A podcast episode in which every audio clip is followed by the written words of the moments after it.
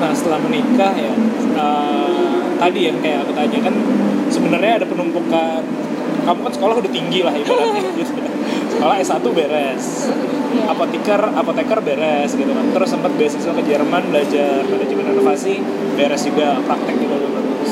Nah ketika menikah sempet ini nggak apa namanya sempat kayak mikir ah kayaknya sayang nih ilmu nih Nah, nanti akan ngurusin suami di rumah aja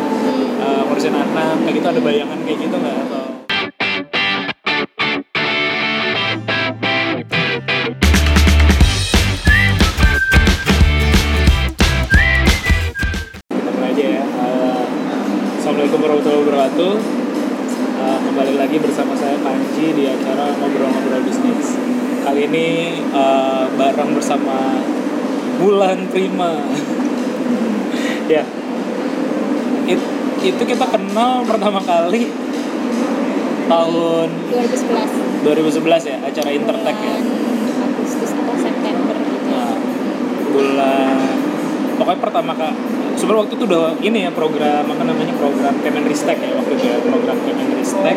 Intermediator teknologi. Intermediator teknologi eh, anak-anak muda baru lulus gitu ya kalau aku sih baru lulus kalau Wulan mungkin Ya, udah lulus farmasinya waktu itu jadi dia UGM farmasi Apoteker. terus ngambil apoteker penjurusan satu tahun gitu Iya. nah 2011 itu kita ketemu di program Kemenristek Eh, dulu namanya masih Kemenristek belum Kemenristek Dikti dan kita disekolahin di Jerman Iya. gitu ya sekitar 2 atau tiga bulan kayak Iya. gitu ya dan lumayan banget ya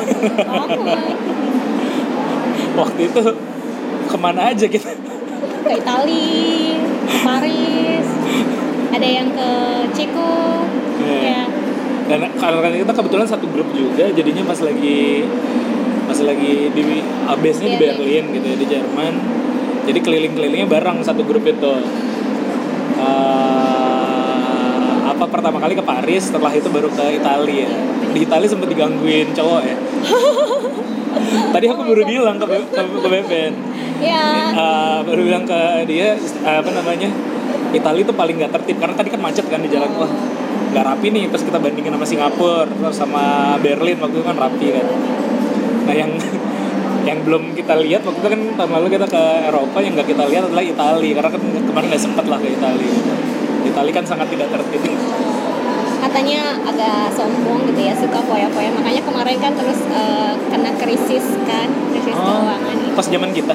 Eh, beberapa tahun belakangan ini Oh. setelah kita pulang Eh, katanya ada kaitannya juga dengan gaya hidup dan sebagainya. Eh. nah waktu itu tuh Wulan masih single. Iyalah. Makanya kita bisa jalan-jalan ke mana-mana gitu ya. Waktu itu ber berapa ya? Berlimaan lah ya. Nah terus itu baru berapa minggu yang lalu kan aku ketemu Mbak El kan? Heeh. sama Mbak El. Mbak El apa terus, di- banget. Ya berapa tahun yang lalu berarti terus ya? yang dia ingat dari bulan tuh adalah lemot. gitu. karena memang aku jadi kalau di tempat aku dulu kan yang cewek tuh ada tiga kan si Ah. Wulan Wulan ini Mbak El sama Pito, kan. Karena ternyata aku bukan orang audio, jadi suami aku orang audio terus dia tuh cepet banget bisa bahasa Jawa. Padahal dia lahir besar di Jakarta sama kayak aku. Ah. Aku lahir besar di Jakarta, kuliah di Jogja, kayak dia juga kuliah di Jogja ya. Tapi nggak bisa bisa bahasa Jawa. Oh gitu. Karena ternyata adiknya juga gitu kan, lahir besar di Jakarta, kuliah di Jogja, kedokteran, terus nggak bisa bahasa Jawa karena emang ternyata suami audio. eh, adiknya dan saya juga ternyata bukan orang audio jadi bukan bukan lebih orang yang visual gitu maksudnya Iya lebih ke visual mungkin atau kalau saya kayaknya kinestetik gitu. Ah, jadi, Jadi- harus sambil ada Jadi aktivitas harus eh, dipraktekkan, harus eh, bergerak, harus ketemu orang, harus eh, bukan yang cuma sekedar dengar bahasa Jawa terus langsung bisa menirukan terus langsung eh, bisa ngomong itu. Jadi memang ternyata ada kecerdasan-kecerdasan Beda-beda lain ya. kayak bisa kecerdasan bahasa yang ada di orang tertentu nggak ada di orang lain kayak gitu. Nah, makanya pertanyaan pertama yang ingin aku tanya, kan kamu farmasi, S1 farmasi, apoteker lagi. Iya. Artinya kan uh, udah bisa ngeracik obat, udah bisa kerja Iya, di apotek uh, iya. apotik lah atau kerja sama dokter atau di rumah sakit atau di mana gitu. Nah, waktu itu kan ada Kemenristek ini kan. Kemenristek uh, itu untuk jadi intermediator teknologi. Intinya kan menjual teknologi lah, komersialisasi. Kenapa tertarik ya pertama kali? Terus setelah itu kan harus ada ikatan kerja kan di Iya. Ristek ya, Iya. walaupun sifatnya nggak terlalu mengikat gitu kan. dan setelah lulus itu pun tidak kembali ke track apoteker gitu nggak diomelin orang tua apa tuh Iya jadi saya waktu itu se- eh, habis lulus langsung ke klinik kecantikan. oh sempet Sempat di klinik kecantikan beberapa bulan eh, dari sebelum ujian apoteker sampai setelah lulus apoteker beberapa bulan eh, di sana. Terus kemudian eh, itu tapi kan di daerah gitu ya. Hmm. Eh, orang tua kan di Jakarta. Ya udah kamu di sana dulu. Ya udah terus eh, jalanin. Terus ternyata sampai pada akhirnya waktu itu bulan April kalau nggak salah ya eh, 2011 eh, setelah nikahan sepupu di Malang terus eh, yaudah yuk sekalian ikut pulang yuk ke Jakarta dijemput Jakarta. gitu kan dijemput sama orang tua Iya, yaudah ayo gitu, udah pulang. Berarti udahan ya di klinik ini, ya udah udahan. Terus eh, dapat pelajaran gitu ya, terus kemudian eh, ke Jakarta. eh, nanti kamu cari kerja di Jakarta aja ya gitu kan. Terus dulu masih zamannya Facebook, itu kan masih aktif Ah. teman-teman share eh, informasi dan sebagainya di sana. Teman-teman di kampus eh, ada grup gitu ya, kemudian eh, seseorang teman yang kuliah di Jepang eh, share informasi soal eh, rekrutmen dari Kemenristek itu sekarang Kemenristek Dikti ya. Em, soal program intermediator teknologi itu. Begitu saya klik eh, linknya itu memang langsung sambung ke websitenya Kemenristek official websitenya. Terus kemudian apa nih? Kok kayaknya menarik ya? Gitu kan. Karena unik gitu programnya. Eh, biasanya kan kalau apoteker itu ya atau enggak CPNS Depom, CPNS eh, rumah sakit, CPNS puskesmas atau eh, bekerja di klinik atau di rumah sakit lokal atau eh, di apotek biasanya banyak di apotek. Terus eh, kok saya nggak karena waktu di lab saya suka ngantuk jadi kayak selalu merasa bukan di situ dia tempatnya gitu kan pernah ikut eh, apa eh, pada saat menunggu hasil namanya seleksi yang Kemenristek itu saya pernah mencoba ikut untuk seleksi yang lain gitu kan. Terus yang saya farmasi. Ya ke pabrik waktu itu. Terus apa ya bidangnya apa ya? Lowongannya di bagian apa ya? Terus saya mencoba di marketing saat itu. Tapi karena yang dibutuhkan ternyata bukan di marketing jadi saya nggak masuk waktu itu. Dia pabrik besar juga BUMN gitu. Terus akhirnya oke kita tunggu lagi deh yang di Ristek seperti apa. Ternyata Juni pengumuman lolos. Eh, lolos gitu kan ya udah menunggu arahan selanjutnya. Tapi di Juni itu juga eh, walaupun sudah tahu lolos namanya orang tua ya udah cobain aja yang lain gitu. Karena kan yang di Kemenristek itu masih eh, berproses eh, belum sampai final kamu lulus betulan gitu ya masih di tengah-tengah. Ya udah coba yang lain. Ternyata karena karena tidak terlalu berminat walaupun itu hanya tes psikologi gitu ya yang harusnya gambarnya gitu ya. gam- gambarkan ya tes gambar gitu ya. Waktu tes psikologi di eh, seleksi Kemenristek itu saya bisa gitu ya gambar Niat gitu, gitu ya. kan niat gitu ya Ah, maksudnya kelihatan. memang eh, oh iya ada tes psikologinya ada tes juga ya hanya tes psikologi dan Matematika wawancara gitu ya. dan Oh, wawancara, ya. administrasi doang waktu itu kan karena yang dicari bukan yang ber-IPK tinggi dan memang yang dicari yang eh, agak aneh gitu katanya Oh. sih di akhir-akhir ini kita baru menyadari kalau kalau memang lulusan-lulusan program kemarin memang ya Agak sedikit berbeda lah gitu ya nah ya udah terus akhirnya saya tes ikut tes datang datang sesuai arahan orang tua. Tapi ternyata betul tidak lolos gitu. Sesuai dengan dugaan semula karena memang di awal eh, ikut itu ya ya udah sekedar ikut aja gitu. Ya udah sekedar sekedar ikut gitu. Ya udah terus eh, masih menunggu proses masih sambil agak santai di rumah terus hmm, masih berharap ya 50-50 lah terima oke nggak terima ya udah. Ternyata lolos kan gitu. Terus kita di training di Puslitek terus kita berangkat terus ini tuh program apa sih? Gitu kan ya oh oke kita dikirim ke Jerman jauh-jauh bahkan sampai oh ini utusan dari Indonesia gitu gitu ya. Sangat di sangat dihormati Iya. sangat di oh gitu. Bahkan kita sekelas ya sama Pak Anton kan? Mantan Menteri Pertanian.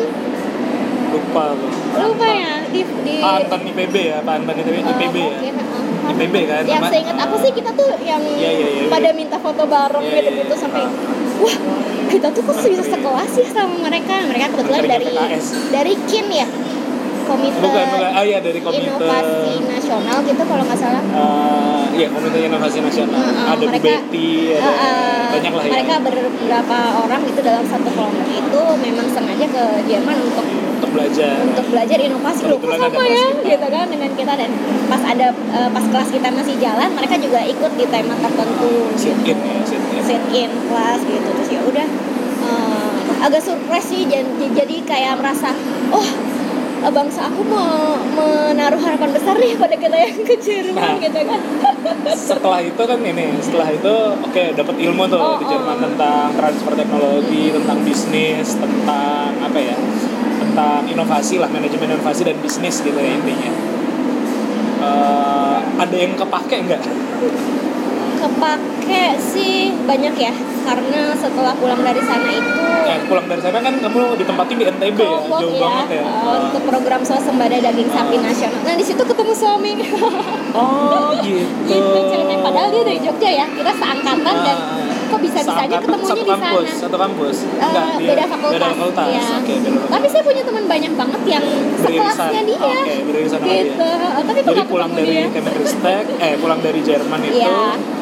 Penempatan di Penempatan di NTB. Lombok. kebetulan dia juga lagi ada project di Enggak, Lombok. enggak. Jadi di akhir eh, tahun, Kamu tuh dua tahun apa satu tahun? eh, satu tahun. Ah, satu tahun, satu tahun Ah. habis itu cabut ya? Iya. Ah, ya, Dan tahun. memang pada cabut semua yang Ah, di iya, Lombok. kan. sebagian besar cabut. Heeh, yang di Lombok bertiga Cabut semua. cabut semua kayaknya apa Mas Radit Lantuan itu apa enggak ya aku lupa. Lupa juga sih. Heeh, gitu terus ya udah eh, di akhir kepengur di akhir eh, tahun kan ada acara gitu kan terus eh, bapak itu bapak mertua saya kan peneliti Ah, researcher di Eh, dari ini ya. Batan, ya Batan, ya. memang bidangnya peternakan gitu kan terus eh, ternyata kita udah ketemu sebelumnya gitu kan sekali kalau nggak salah eh, karena kita kan ikut terjun ke lapangan mendampingi peneliti juga kan Peneliti, penyuluhan dan lain Iya. Karena sebagainya spesifiknya kalau nggak salah pas NTB itu ini ya pem- pembenihan ya, Eh, IB ya. Ada ya Ada in- inseminasi inseminasi buatan ada inseminasi buatan tapi memang lebih ke eh, pokoknya gimana caranya daging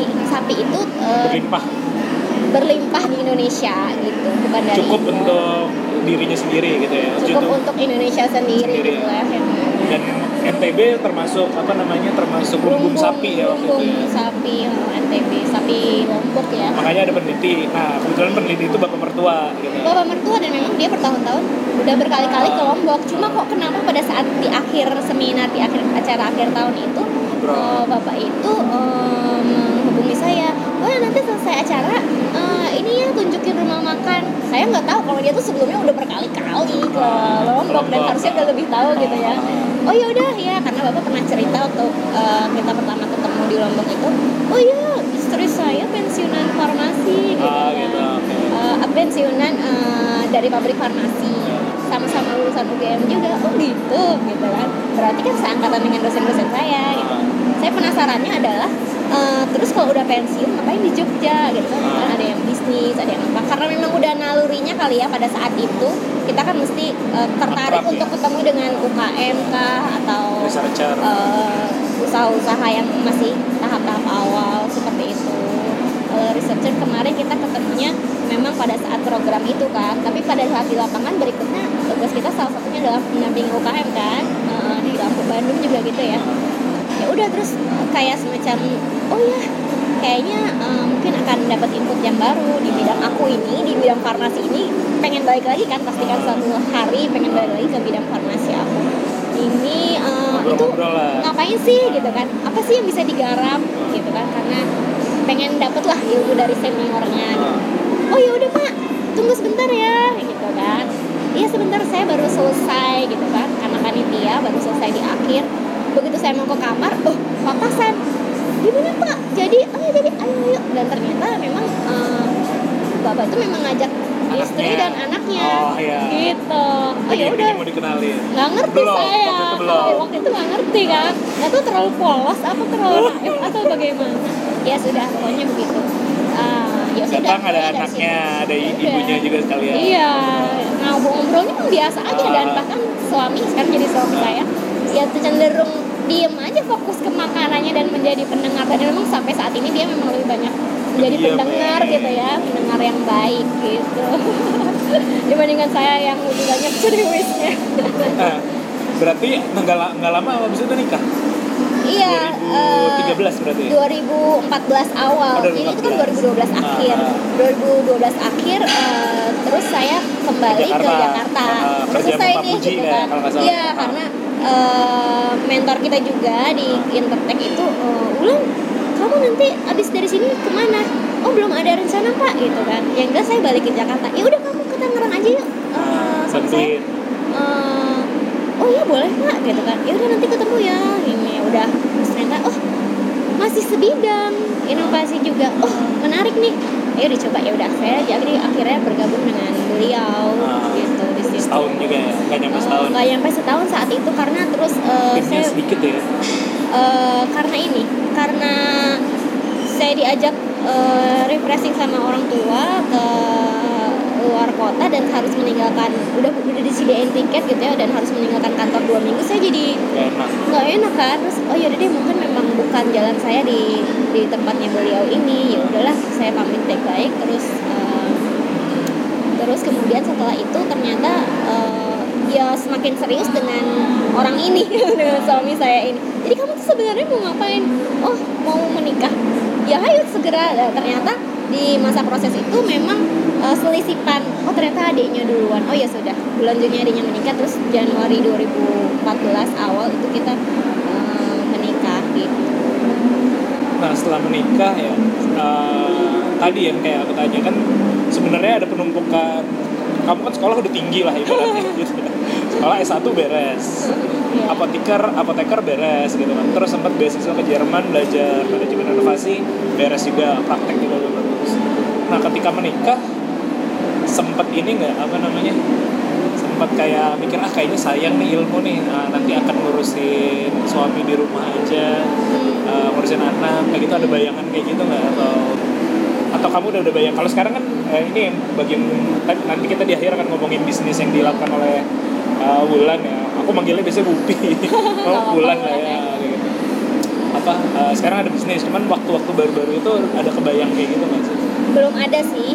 Eh, saya pernah sempat eh, paruh waktu gitu ya ikut eh, di penelitian di oh jadi ketika setelah menikah pun? Setelah menikah mencoba mencoba mencari sesuatu yang bisa dilakukan di, di rumah gitu. Karena kan belum ada anak gitu ya belum ada anak Eh, terus saya eh, dan memang ada lowongan begitu saya daftar eh, memang masuk udah di Jogja tuh ya? di Jogja di Fakultas Fakultas Kedokteran dulu namanya Fakultas Kedokteran di UGM ada semacam unit penelitian eh, di bidang manajemen dan keuangan kesehatan gitu. Terus saya ikut kayak semasa misalnya penelitian soal eh, BPJS, jam jam kesmas kayak gitu-gitu.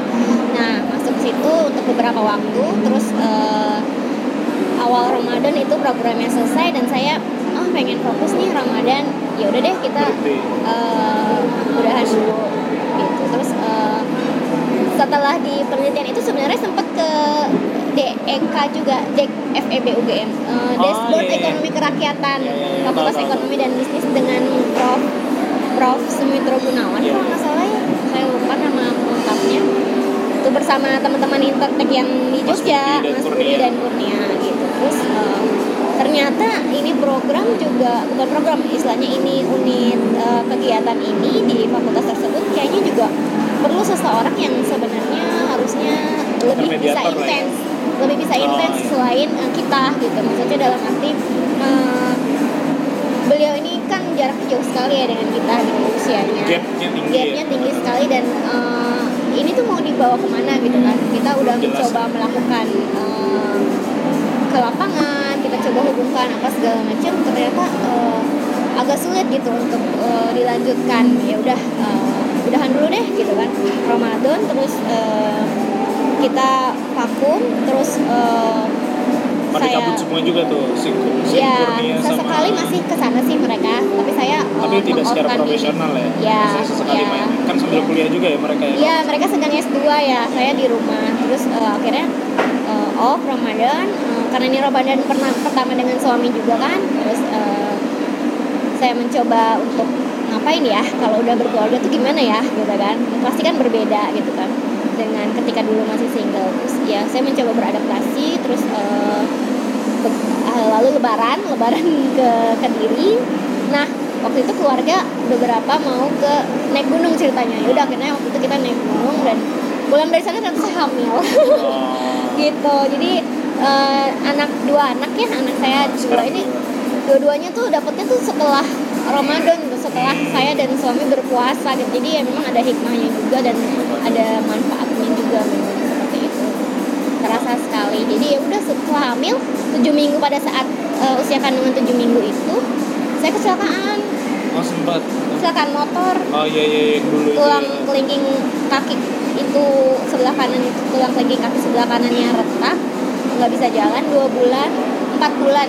Empat bulan nggak bisa jalan dua bulan di gips e, dirawat luka karena multi resisten bakteri juga infeksi multi resisten bakteri harus diopnam tadinya. Harus diopnam e, antibiotiknya khusus lah gitu ya harus yang poten ternyata alhamdulillah begitu ketemu dengan dokter SPOT-nya langsung eh, oh ini udah bagus gitu kan. Karena memang saya supply terus nutrisinya dan positive thinking juga dan dalam kondisi hamil mungkin uh, asupan nutrisi itu lebih banyak terserap dibandingkan ketika tidak hamil gitu. Alhamdulillah bisa sembuh dan anak lahir sehat normal juga uh, kayak gitu.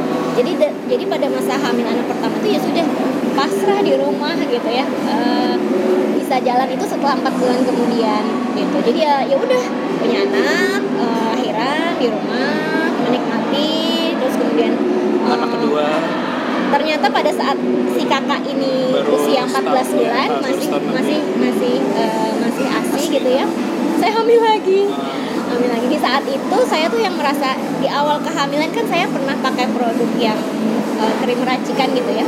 Uh, sebelum hamil pada saat tahu hamil bagaimana ya? Saya konsul ke adik saya yang dokter karena dia pernah uh, berkecimpung di bidang itu Herbal gitu ya? uh, di bidang si krim tersebut Krim itu ya? dibuat uh, terus akhirnya jangan stop aja gitu kan. Pendapat profesionalnya stop aja mendingan ya udah saya nggak pakai apa-apa gitu ya. Bener-bener yang kena matahari juga nggak pakai apa-apa lah gitu istilahnya. Paling hanya minyak zaitun sekali padahal minyak zaitun juga tidak tidak ada sifat protektif terhadap uh, sinar UV-nya gitu. Terus pada usia 14 bulan si kakak itu saya hamil lagi saya merasa ini nggak mungkin seperti ini terus gitu kan. Kulit saya memang sudah bermasalah dengan sepanjang eh, lebih dari setahun itu gitu kan hampir dua tahun tanpa pakai apa-apa yang kulit bermunculan kering kusam terus memang secara genetis kulitnya kering udah tambah wah pokoknya udah busik segala macam gitu ya udah ini udah nggak bisa deh harus ada sesuatu yang diperbaiki gitu ya harus ganti produk gitu istilahnya. Saya pada saat itu hanya mencoba-coba apa yang ada di pasaran gitu ya skincare adventure saya bilangnya. Jadi nyoba-nyoba macam nyoba segala macam berdasarkan pengetahuan saya sebagai apoteker gitu kan. Coba ini nyoba itu nyoba ini nyoba itu. Akhirnya udah deh. Saya punya temen dulu di eh, kampus pernah satu kosan. Hmm. beliau di keperawatan saya di farmasi kakak kelas gitu ya. Dua tahun bedanya waktu itu sempat satu rumah satu tempat tinggal kontrak bareng. Eh, Deket ya? kayaknya dia eh, ini deh eh, Jualan produk. jualan produk kosmetik atau skincare atau juga untuk body care gitu ya untuk toiletries untuk badan gitu terus eh, kak saya manggilnya kak gitu ya kak ini yang Jafra nih Iya. Oh, iya. Jadi dia upline saya di Jafra sekarang. Jadi pada saat itu tahun 2000 berapa ya? Pada saat uh, baru mau hamil anak kedua itu oh sebenarnya udah lama toh udah lama sebenarnya. Ah, soalnya kan kelihatan baru aktifnya Iya. kan kayak setahun terakhir Iya, ini kan Iya, jadi pada saat atau itu atau udah lama itu oh iya produknya namanya Pakainya. Jafra. oh itu pakai pakai. Jadi belum saya di awal jualan. itu pakai, pakai dulu. Jadi beli beli doang eh, beli aja untuk pakai sendiri karena kan memang saya saat itu kondisinya butuh Ah. butuh untuk memakai gitu terus saya mempelajari produk ini Eh, kenapa ya berarti itu 2000 sekitar 2000 kali ya iya sekitar itu terus kemudian pertengahan atau akhir gitu ya kalau nggak salah. Pada saat baru hamil anak kedua. Terus udah mulai pakai?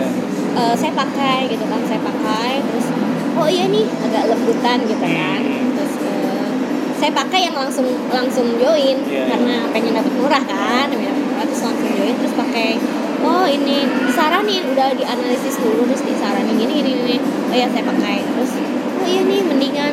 Tapi kan karena terbiasa menggunakan kosmetik. eh, kosmetik maupun skincare itu ya kan harus telaten gitu ya.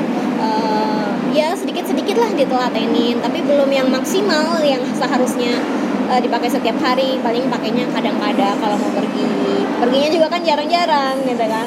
Jadinya tidak maksimal hasilnya. Akhirnya setelah beberapa bulan eh, anak saya itu juga hmm, ada masalah punggungnya tuh kering.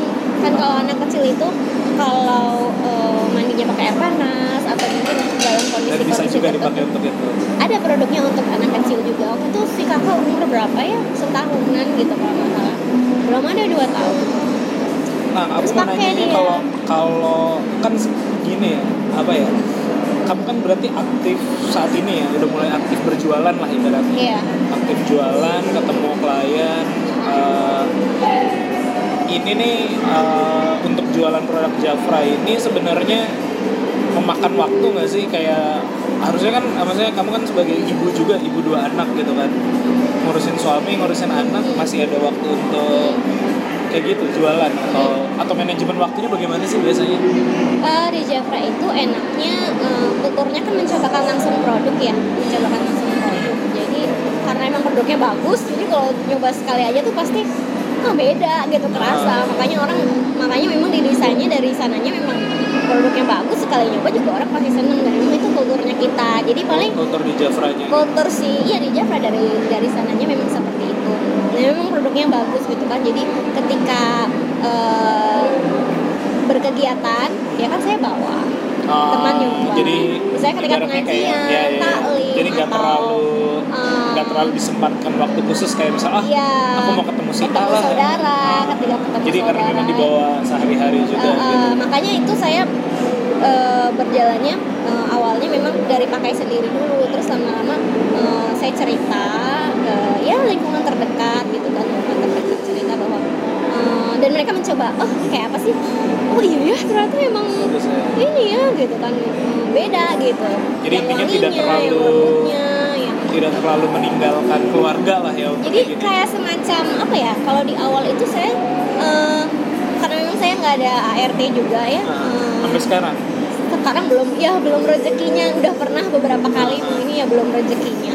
Terus eh, setiap hari sama saya. Saya di rumah suami ke toko terus ya seperti itu kegiatan seperti itu. Terus kemudian eh, kapan? Kapan jualannya Jualannya, gitu ya? iya. ya bisa lewat online bisa lewat ketika ketemu orang. Tapi eh, di awal-awal memang saya eh, mengenalkan ke orang lain bahwa saya jualan tapi eh, belum terlalu diserius diserusin. Kalau ada yang nanya yuk makanya aku baru kalau- enggak kan kalau Akhir-akhir ini ya. akhir ini kayak wah di Instagram sering nih Heeh, ngepost jadi atau ternyata yang namanya bisnis itu ya begitu Harus eh, jualan ya. fokus gitu ya fokus tapi tetap eh, kemarin ketika mulai fokus itu juga saya eh, komunikasi dengan suami nah ini makanya di Jafra ini eh, ternyata bukan soal jualan aja tapi eh, bukan soal eh, bisnis aja bukan soal uang aja tapi eh, semua yang menyangkut diri kita itu ternyata bisa bertransformasi. Seperti itu. Kalau pandangan kamu terhadap uh, ya ibaratnya kan kamu berarti uh, apa tadi istilahnya stay at home mom ya? Eh, stay, stay at at home home mom tapi ada ada bisnis ada, Ada- sampingan lah ya? working at home mah mungkin Oh, ya lebih working at tepatnya home, lebih ya. tepatnya. Ah, mungkin itu bisa jadi solusi. Ya. soalnya kan uh, tadi kayak kita ngobrol sebelumnya kan kayak suka ada perdebatan uh, antara ibu working mom working mom sama uh, stay at Stay home at mom gitu ya. Oh yang working mom suka ah sayang nih udah pendidikan tinggi-tinggi gitu kan. Terus juga bantuin suami uh, akhirnya anaknya ditaruh babysitter aja ataupun di daycare. Nah, terus yang ibu-ibu rumahan kan sering komplain apa namanya ah tugas ibu adalah untuk mendidik anak mendidik masa depan gitu kan Eh, apa namanya janganlah kerja ini waktu premium nih. Eh, anak-anak umur balita tuh waktunya dekat sama orang tua dan segala macam. Meninggalkan ego untuk kerja tapi uh, men- mendidik anak di rumah. Pandangan kamu kamu sebicara ini prefer yang mana sih? Atau Eh, jadi ternyata ketika saya di Jerman itu di akhir-akhir eh, pelatihan itu kita eh, ada sesi yang ingat nggak sih eh, kita tuh ditanyain eh, kamu mau apa ke depannya ah ya ya Ya. mungkin ya entah kenapa pada saat itu saya tuh nah, waktu itu usia belum 25 ya Ah. Eh, Iya nanti saya akan menikah, saya akan eh, membangun masyarakat dan sebagainya dan sebagainya. walaupun Kayak gitu. ada ada mimpi untuk membangun masyarakat kayak gitu gitu Iya, jadi a- ada semacam itu gitu ya. Jadi oh, saya sekarang baru flashback lagi kenapa ya saya bisa ngomong kayak gitu dulu.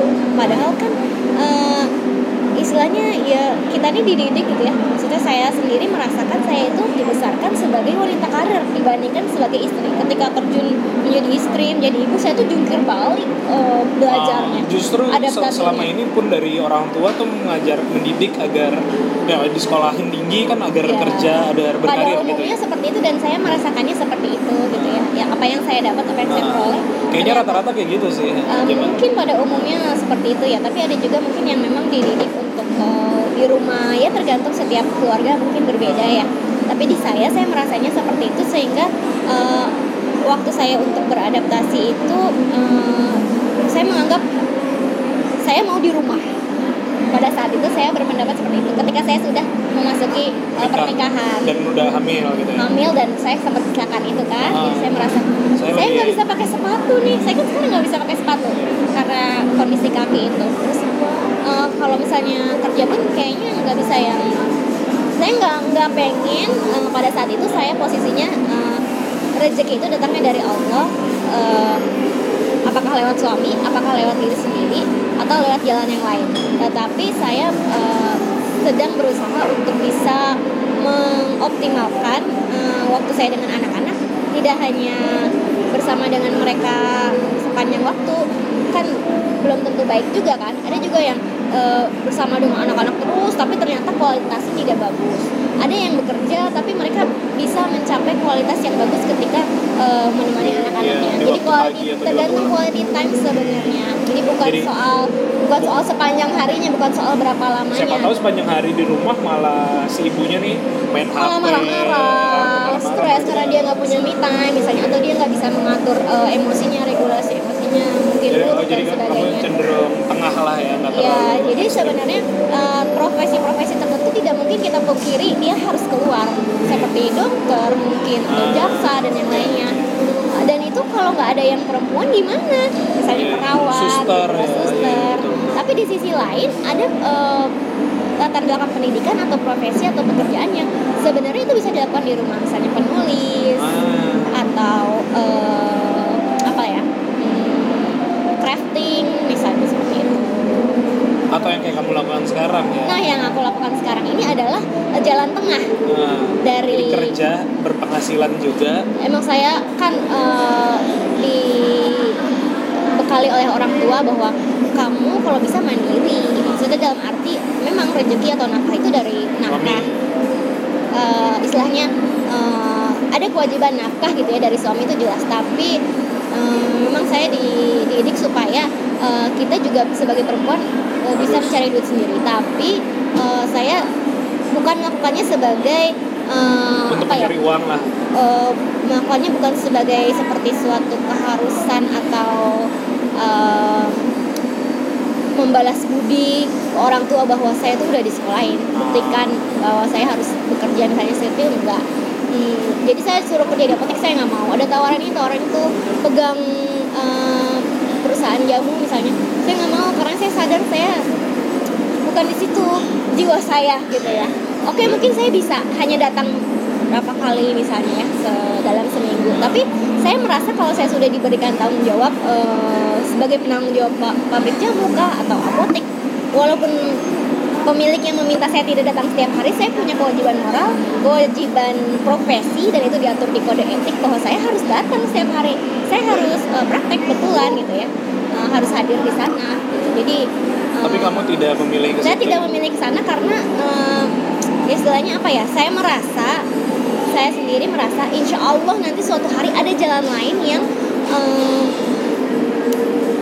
penghasilannya mungkin lebih besar dari itu tetapi eh, tidak harus melalui jalan yang eh, konvensional seperti itu Berarti sakit jadi, oh, jadi pilihan pribadi aja sih sebenarnya Ah, ya berarti sebenarnya eh, melakukan pekerjaan ini sebenarnya kayak pilihan aktivitas saja. ya? pilihan aktivitas Jadi saja sebenarnya tidak terlalu mencari uh, mencari uang yang besar Oh, pun tunggu tidak, mencari nafkah Ah. pun enggak gitu kan. Itu mencari itu itu di awal ya ketika saya Ah. belum bertemu Jafra makanya ketika saya bertemu Jafra eh, karena saya butuh kan saya butuh produknya untuk mendapatkan kulit yang lebih sehat dengan kondisi dengan butuh. kondisi saya hamil saya menyusui gitu kan yang sebelumnya saya eh, skincare adventure nggak nggak ketemu gitu terus kemudian saya ketemu Jafra saya pakai saya cocok saya karena saya mengikuti arahan dari uh, leader saya gitu kan. Kamu pakainya begini kamu pakainya begitu. Kalau kamu misalnya begini kamu harusnya begini tidak begitu saya ikutin.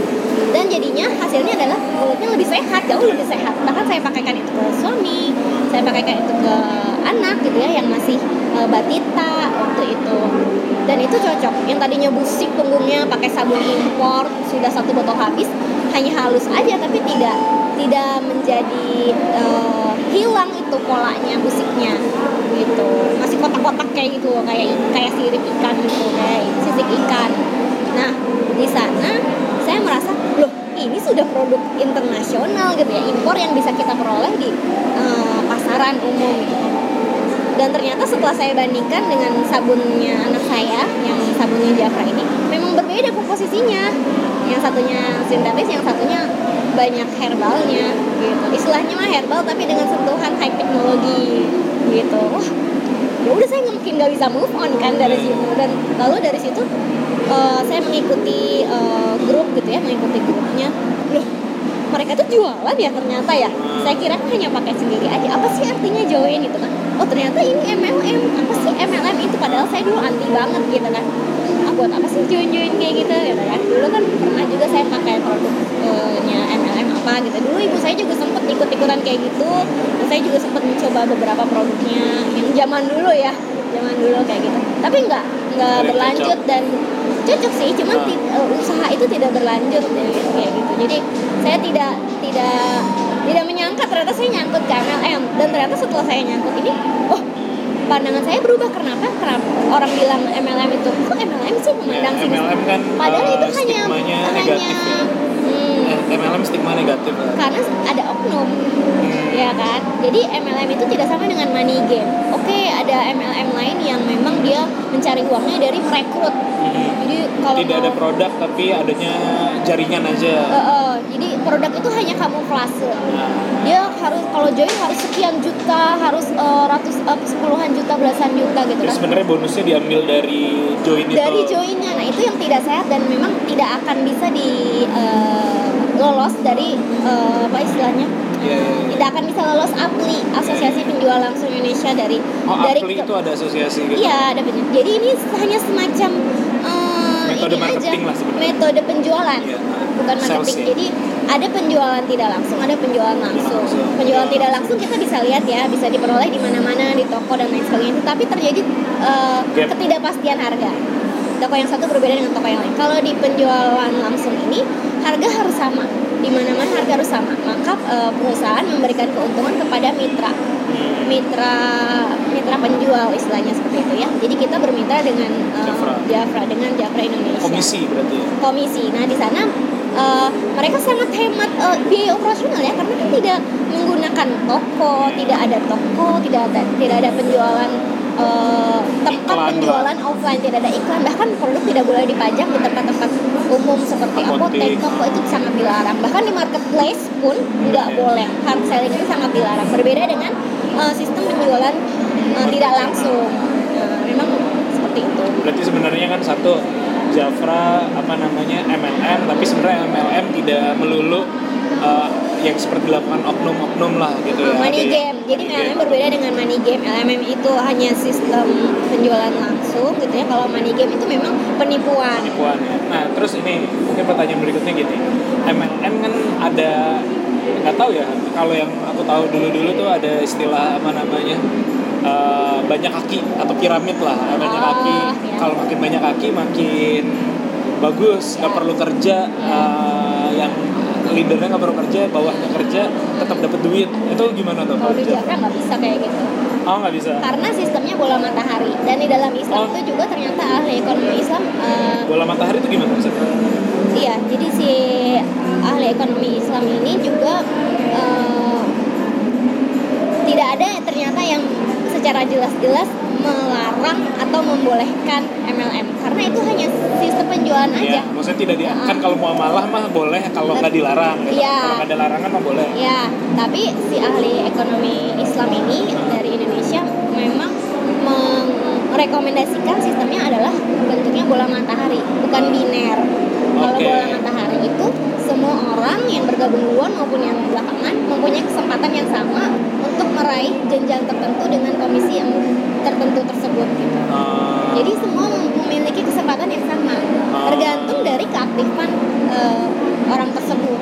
Gitu. Kalau biner, yang duluan yang lebih kan, banyak iya, dapat kalau biner kan piramid kan bentuknya Ya, gitu ya. jadi ya udah dia mah santai aja, yang bawah-bawahnya merekrut, merekrut, merekrut, kayak banyak gitu. Oh kalau bola Ya. matahari, eh, nggak tahu sih belum pernah lihat tuh. Ah, ah, jadi So, kalau- jadi misalnya gini kan contohnya. jadi misalnya gini contohnya ya. Eh, saya merekrut A. Eh, kemudian saya merekrut B saya merekrut C. Kemudian eh, A aktif eh, B biasa aja C tidak aktif. Nah kemudian eh, saya diam aja. Si A bekerja dia merekrut merekrut merekrut Eh, dia punya jualan ya, dia merek merekrut dan dia merekrut lima orang 10 orang dan eh, mereka aktif gitu ya. Saya mm, merekrut tiga orang yang satu aktif yang dua biasa aja kadang aktif kadang enggak yang yang C tidak aktif gitu ya. Itu pasti nilai yang saya dapatkan gitu ya secara perhitungan eh, rupiah maupun komisi dan lain sebagainya. Itu eh, secara title gitu ya. Itu akan berbeda dengan A yang saya rekrut yang dia merekrut berarti lebih banyak. akan jauh lebih besar si A. akan lebih jauh besar si A. Bahkan di Jafra itu ada juga yang eh, Ini komisinya tuh per penjualan kan, bukan? Penjualan. Penjualan dan jadi menghitungnya adalah eh, penjualan dan bagaimana dia bisa eh, merekrut. Merekrutnya dalam arti merekrutnya itu ya dia apakah bisa aktif atau enggak. Dalam arti apakah dia juga membina timnya apakah dia juga melakukan penjualan dan lain sebagainya karena kalau di Jafra eh, tidak aktif ya dia tidak akan mendapatkan apa-apa.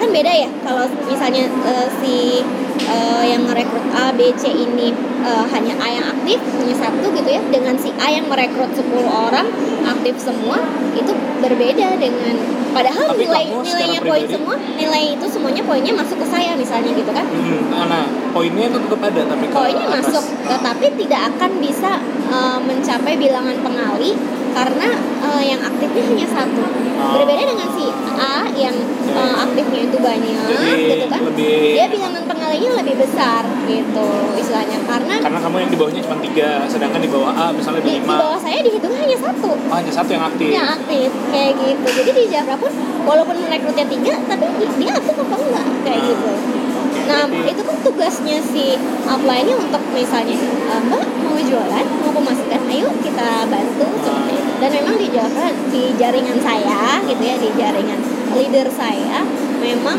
eh, beliau membantu sampai bawah-bawah, walaupun dia sudah title tinggi se-Indonesia. Oh, udah tinggi. Sudah tertinggi di Indonesia dan kalau event internasional dia selalu ikut. Oh, Jafra tuh produk luar ya? Produk, Produk eh, Amerika. pabriknya di Meksiko, Pabrik. dia asalnya dari Amerika. Sekarang dia bergabung di Forward Jerman. Forward itu eh, perusahaan penjual langsung terbesar keempat di dunia, Hmm, gitu. Jadi ya emang produknya terpercaya gitu. terpercaya, terus sistemnya Bisa juga tidak bukan yang baru tidak penipu- baru. tipu-tipu gitu ya. Jelas ada produknya. dan terus jualan produk. jualan produk. Produknya pun bagus. produknya pun bagus gitu kan dan dia ini loh eh, mau ketika eh, banyak customer yang menanyakan sertifikat halal dia Halal. mau untuk mengurus sertifikat halal Oh, di Amerika sana Oh. sudah keluar Di beberapa Indonesia udah kan halal di dia Indonesia. dia kan me- me- mengirim produknya jadi di Indonesia jadi tidak ada Pabrikan di repackaging nggak ada Oh. Uh-uh, dan itu sangat dilarang juga karena emang merusak produknya sih kalau repackaging itu Berarti ini bahasa Inggris atau bahasa Eh, Indonesia? Jadi di dari sananya dia dari sananya dia Ada yang bahasa Indonesia di juga. box seperti ini Ah. kemasannya berbagai bahasa Jerman Oh, ada banyak bahasanya. eh, mix apa eh, Paris apa Jer- bahasa Prancis bahasa Jerman bahasa Inggris Indonesia bahasa nggak ada. Spanyol gitu ya Indonesia ada. nah begitu masuk ke Indonesia dia harus dikemas ulang Ah, untuk menjaga keaslian produk tidak bisa di packaging nah, dia masuk ke dalam ya. plastik. Oh. dia mendapatkan apa namanya eh, ini yang jelas ya. Ah, iya, dia mendapatkan eh, nomor BPOM Oh, ada juga Bepom Indonesia. iya harus harus harus BPOM Indonesia. BPOM RI nomor sekian ada expired date-nya ditulis juga dan ada keterangan eh, bahasa Indonesia. Itu wajib wajib gitu Oke, berarti Jafra secara kayak gitu, secara bisnis begitu, dan Iya. kamu sekarang aktivitas utamanya pasti tetap ibu rumah tangga gitu Iya. ya. Dan ini ada sampingan. iya Menghasilkan nggak sih? sampingan Apa cukup nggak sih? eh, gimana ya kalau dibilang sampingan yang namanya bisnis itu nggak akan menghasilkan kalau hanya Serius. sebagai sampingan Oke. yang namanya bisnis itu ternyata harus diseriusin harus fokus ya sebelumnya saya sempat bantuin di startup gitu ya. Dan kita Ah iya tadi itu dan skip. kita masing-masing gitu kan. Kita kita dalam arti eh, sibuk masing-masing dengan keluarga masing-masing yang punya masalah masing-masing gitu ya. Akhirnya karena tidak fokus yang pengennya nyari orang lain kemudian itu diwakafkan ternyata Tidak ya jalan. kodarullah belum semulus yang kita perkirakan di awal. Dan ini masih ber- berjalan terus dan memang kita sendiri memang eh, tidak ada keinginan untuk eh, mengambil untung secara eh, pribadi gitu ya dari perusahaan tersebut. Jadi memang pengennya ini perusahaan untuk sosial tapi kita belum dapat eh, siapa ya yang bisa ngelola ini gitu ya. Ini yang aku cut dulu. Misalnya berarti tadi kan ada yang skip ya itu setelah setelah tadi menikah punya anak sebenarnya sempat ngerjain bantuin ya bantuin Iya, startup tadi dan itu udah kenal Jafra. Itu udah udah di Udah kenal tapi sebagai Jafra. pengguna. Udah kenal Tidak Jafra aktif. udah pernah ikut trainingnya satu kali. Terus kemudian ada ada tawaran untuk ikut hibah itu eh, ya dan maksudnya yang tadi yang berarti yang startup itu sebenarnya ibaratnya berarti Wulan kan pernah jalanin bisnis lah mencoba ya. eh, sebenarnya saat itu saya hanya mau bantuin dia dan ternyata dia nggak punya tim gitu kan. Tapi kan sekarang katanya in- include bahkan tertulis di sebagai pendiri kan atau direktur atau apa. ya karena itu ada sebagai syarat eh, dari tapi produknya tuh ada produknya ada. Eh, hibahnya waktu itu dapat hibahnya dapat oh dapat grand grandnya udah dapat produknya udah ada legalnya sekarang udah ada. Udah. cuman gak ada yang jalanin aja nih. Iya karena dia ibu mau dihibahkan? ntar aku tanya temen saya gue kayaknya ada mungkin ada yang bisa ngambil. saya ibu rumah tangga juga.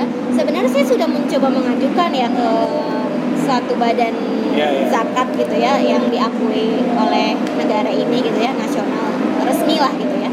Jadi bukan ke personal supaya lebih jelas jadi sebenarnya meniru apa yang sudah ada di Arab Saudi karena di sana kan banyak bisnis banyak hotel Enggak, yang gini. diwakafkan Iya, cuma ini diwakafkan. masalahnya bisnisnya Bukan. ini belum matang Betul, belum namanya membuahkan kalau wakaf kan artinya apa memotong Sudah kan berbentuk ini iya, kan, tanah bisa ber- bergulir apa, gitu kan iya. wakaf itu sesuatu Iya. yang uh, bisa Wujud. bergulir lah Heeh. nggak nggak ya bisa bisa bergulir Menghasilkan. menghasilkan gitu kan agar pahalanya terus menerus Iya. sedangkan kalau mewakafkan sesuatu yang tidak berjalan ya sebenarnya nggak ini gitu ya Iya. nggak terlalu mining gitu sebenarnya Cuman, kenapa bisa bisa menang hibah itu kan berarti kan ada potensi ada potensi untuk menghasilkan tapi kalau nggak fokus nggak digarap ya udah gitu kan. jadi pada saat itu saya baru awal banget eh, baru sebagai pengguna aja udah eh, di Jafra itu oh, ya. dan karena sekarang pakai sendiri tapi itu kan. sekarang ini apa secara ya tadi kan aku nanya masalah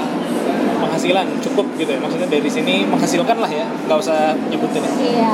Dapat lah ya dapat dapat kalau diseriusin mah dapat maksudnya dalam arti eh, ketika kita bisa membagi waktu dengan baik kita memang eh, komunikasi dengan orang-orang terdekat bahwa kita ini pegang HP bukan mainan pegang HP bukan ngegosip bukan Kerja. scrolling nggak jelas malah jadi lebih produktif. Ternyata bisa menghasilkan. Dan orang tua senang bahwa kita bisa me- me- apa namanya? Aktualisasi. Eh, bukan aktualisasi eh, menggunakan ilmu kita di jalan yang tepat seperti itu. Aktualisasi jelas banget untuk orang-orang yang oh, mungkin sudah berada gitu ya sudah eh, mapan secara ekonomi terus kemudian eh, keluarga bahagia dan sebagainya tapi ketika dia tidak memiliki aktivitas gitu ya pasti dia ada yang di seperti itu dia merasa uh, ada wadah ada komunitas positif untuk dia beraktualisasi. Dan itu sangat terbuka di Jafra kayak gitu. Ada yang memang dia butuh. Dia tuh butuh gitu butuh sepuluh ribu rupiah pun dia butuh. Jadi ketika ada event yang itu akan dibagikan produk gratis dia datang jauh-jauh dari luar kota untuk dapat ragam produk ya, itu. ragam ya. jadi jangan dikira orang gabung Jafra tuh orang berada semua itu enggak. Ada juga yang nyari banyak uang yang juga memulai semuanya itu dari nol. Justru karena di sini ada kesempatan yang bisa terbuka lebar Eh, namanya pengusaha ya eh, yang nentukin targetnya mau dapat berapa kan dirinya sendiri kan benar nggak? Panji gitu kan? Nah di Jafra juga begitu. Kamu mau dapat hasil seberapa? Yaudah kamu eh, fokusnya lebih lebih dong ke situ misalnya usaha kamu otomatis lebih dong. Dibandingkan kamu hanya mau uh, ya udah deh segini aja. Pasti beda. Beda dia dapetnya gitu. Dan di Jafra saya dulu waktu kuliah sempat di asrama mahasiswi gitu ya asrama mahasiswi muslim itu kan kita dapetnya teori ya tauhid apa segala macam. Oh kalau di Jafra kita dapetnya langsung pengalaman lapangan. Gimana ketika kita ada crash dengan suami terus kemudian itu langsung berdampak ke Jualan. penjualan dan lain sebagainya. Padahal secara performa apa segala macam hitung-hitungan manusia gitu ya itu udah eh, ini bagus nih ini bisa berhasil. Tapi ternyata. Allah bisa berkehendak yang lain ketika kita memang ya kan ridho Allah bergantung pada ridho orang tua gitu kan. Orang ridho orang tua karena kita eh, saat itu menjadi anak. Ketika kita menjadi istri maka ridho suami juga terhitung. Ridho mertua apalagi gitu jadi itu ternyata berhubungan sekali gitu jadi kayak semacam eh, aku nih di dunia mau Dan- mau ngapain sih gitu kan? Dan sekarang enjoy ya, maksudnya terhadap enjoy, aktivitas ini enjoy. Banget. Dan saya sangat bersyukur banget bisa berjodoh dengan Jafra di, di jaringan yang tepat. Karena Ah. tidak semuanya bisa mendapatkan Dan semuanya sehat juga ya. mendapatkan jaringan yang sehat. Jaringan yang terus mau bertumbuh bersama. Yang walaupun sudah leader tertinggi mau sampai Turun. Datang keluar kota menemui timnya satu-satu dan lain sebagainya membantu sampai permasalahan pribadi yang tadinya mau cerai nggak jadi cerai yang tadinya eh, bermasalah dengan anaknya dan sebagainya keluarga besarnya orang tuanya jadi rukun lagi itu tuh banyak kejadian yang kayak gitu gitu Nah ini udah mau closing ya. Jadi si Ulan saat ini udah lagi mau umroh ya. Alhamdulillah. iya alhamdulillah Hari sekarang ini kita ngerekam hari apa sih sekarang? nih? Sekarang hari, Sekarang hari Kamis ya. Hari Selasa udah berangkat. Eh hari Selasa insya Allah Selasa berangkat ya. Selasa berangkat. Semoga umrohnya mabrur. Amin. Apa yang mau didoakan di sana Amin. jadi apa ya? Ya dikabulkan lah. Kan tempat paling mustajab. ya. Oke, thank you Ulan nih udah sharing-sharing. Iya, Semoga nanti ada manfaatnya. Nanti paling nanti gue potong-potong yang ini jadi biar lebih efektif lah. iya Sip, thank you. Sekian. Uh, Assalamualaikum warahmatullahi wabarakatuh. Waalaikumsalam. Ya gitu doang kan.